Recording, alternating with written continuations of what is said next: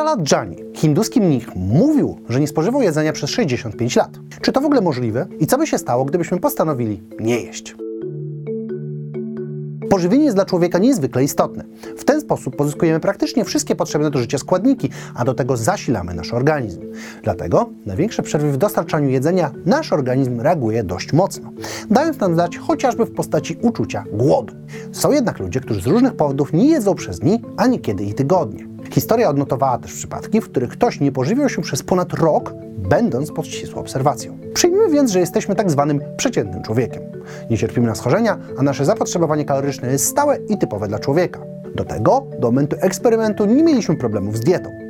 Jak długo wytrzymamy? Oczywiście, żeby nikt nie pomyślał, że ten odcinek jest zachętą do długotrwałej głodówki czy diety polegającej na absolutnym wycięciu pokarmów. Tego typu przedsięwzięcia są niebezpieczne dla zdrowia i życia, a także mogą prowadzić do zaburzeń odżywiania. Początkowe godziny będą stosunkowo normalne. Wiele osób codziennie nie je przez kilka, a nawet kilkanaście godzin ze względu na pracę czy inne obowiązki. Pamiętając o odpowiednim nawodnieniu, gdyż to jest dopuszczalne, będziemy czuć się w miarę dobrze. Miejscami będziemy czuć głód, który raczej dobrze znamy z codzienności. Za poczucie głodu odpowiedzialne są dwa hormony leptyna i grelina. Ten pierwszy informuje o ilości zasobów energetycznych organizmu i jego braki są dla naszego mózgu sygnałem, że trzeba uzupełnić zapasy. To powoduje, że odczuwamy bezpośrednie efekty głodu. Grlina z kolei pobudza apetyt, w pewien sposób regulując naszą przyjemność płynącą ze spożywania jedzenia, a także niektórych substancji.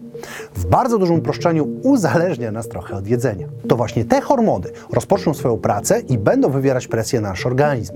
Będziemy czuć coś na kształt ssania w żołądku, a także będzie nam sucho w ustach. Jesteśmy w stanie jednak krótkoterminowo zgasić te uczucia za pomocą wody. Dość interesująca rzecz dzieje się w naszym ciele. Otóż już nawet po 6 godzinach uruchomimy proces zwany ketozą.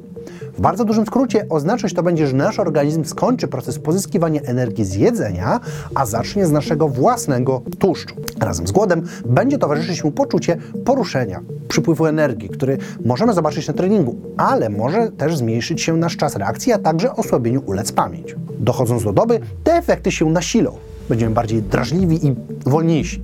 Nasz nastrój ucierpi bardzo mocno, a my będziemy czuli się jakby brakowało nam energii. Lecz może być też tak, że nasz organizm będzie używał tłuszcz, który odłożył się w naszym organizmie i w ten sposób możemy nawet nie odczuwać większych ubytków. Jednak problem rozpocznie się w okolicach czwartej doby, po przekroczeniu 72 godzin bez jedzenia. Wtedy nasz organizm przestanie przerabiać tylko tłuszcz, a zacznie też zabierać się za nasze mięśnie, by zdobyć potrzebne białka, które może przerobić na glukozę potrzebną naszemu mózgowi do funkcjonowania. W tym samym momencie nasz organizm szuka oszczędności. Stracimy masę mięśniową, gęstość kości. U kobiet może dojść do zatrzymania cyklu menstruacyjnego. Do tego zmniejszy się libido. Jeżeli nie zdecydowaliśmy się na suplementację witamin w okolicy pierwszego tygodnia, nasz układ odpornościowy zacznie niedomagać. Brak minerałów spowoduje, że po prostu nasze komórki zaczną umierać. A to przyczyni się do większej podatności na choroby przy jednoczesnym braku energii na walkę z nimi. Jeżeli nasz organizm nie posiada odpowiedniej ilości zmagazynowanych mikro i makroelementów, a my ich nie suplementowaliśmy, śmierć może przyjść nawet po trzech tygodniach. Najczęściej poprzez zawał, kiedy ciało w poszukiwaniu energii zacznie szukać jej w okolicach serca. Ale inne narządy też zaczną cierpieć. Nasz organizm naraża się szczególnie na dwie choroby, których efekty możemy oglądać w biedniejszych regionach świata. Kwashiorkor i marazm. To pierwsze prowadzi do licznych zmian funkcji i kształtu naszych narządów, co może spowodować chociażby opuchliznę brzucha. Marazm zaś jest to ogólne określenie na wyniszczony organizm, który podatny jest na infekcje, braki energii i zmiany w korze mózgowej, które prowadzą nawet do zaburzeń psychicznych. Obie te choroby są śmiertelne i wynikają z braku podstawowych składników potrzebnych do funkcjonowania organizmu. Żyć bez jedzenia możemy nawet i 70 dni, dbając o nawodnienie, a także posiadając odpowiednie rezerwy. Było to udowodnione podczas badań osób przeprowadzających strajki głodowe i zazwyczaj taka ilość dni była już zbyt dużym obciążeniem dla organizmu. Do tego istnieje potwierdzony przypadek z 1966 roku, kiedy Angus Barbieri nie jadł nic przez okres 382 dni. Jednak cały proces był w szpitalu, a mężczyzna dostawał wodę, kawę, herbatę i co najważniejsze, suplementy i witaminy, które pozwalały jego organizmowi przetrwać. Przez czas trwania tej diety Angus zrzucił 134 kg, schodząc z 214 do nieco ponad 80. Badania dowodzą, że samo spożywanie wody i cukru może przedłużyć okres bez jedzenia powyżej 30 dni. Oczywiście nie bez konsekwencji. Nasze ciało cały czas będzie pozyskiwać wiele surowców z samego siebie, efektywnie powoli się zjadając. Narażamy się też na liczne choroby, bo osłabiając swój układ odpornościowy jesteśmy łatwym celem.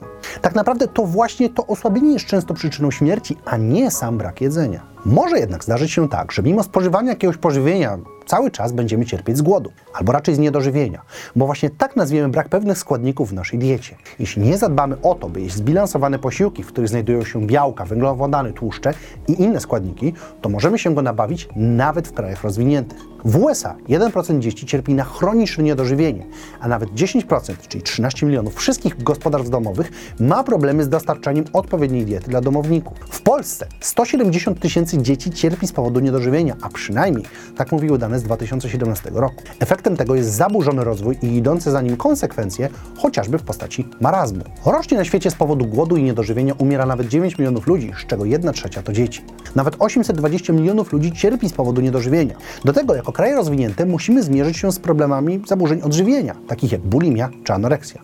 Szacuje się, że prawie 8% populacji ma jakieś zaburzenia odżywienia, które również mogą prowadzić do niedożywienia, głodu i śmierci. W samej Polsce szacuje się, że od 0,8 do 1,8% kobiet poniżej 18 roku życia może dotykać problem anoreksji. Niektóre badania mówią nawet o 4%. Wszystko to to poważne problemy, które wszystkie związane są z głodem i brakiem jedzenia. Zarówno tym przymusowym, jak i w pewien sposób dobrowolnym. Brak pożywienia jest niszczący i w dość niedługim czasie może zakończyć nasze życie w sposób powolny i bolesny. Nawet przy zachowaniu odpowiedniego nawodnienia czy niektórych suplementów, prędzej czy później bez pożywienia po prostu umrzemy. A co by się stało, gdybyśmy porzucili nawet wodę? Cóż, to temat na inny odcinek. Na dzisiaj to tyle. Mam nadzieję, że temat był dla Was interesujący. Jeżeli chcecie zobaczyć więcej, zapraszam tutaj, możecie sprawdzić TikToka, e, a także mam nadzieję, że widzimy się w każdy piątek, a także możecie zobaczyć nas na shortsach, bo są trzy razy w tygodniu, e, więc zapraszam gorąco. Trzymajcie się ciepło, cześć!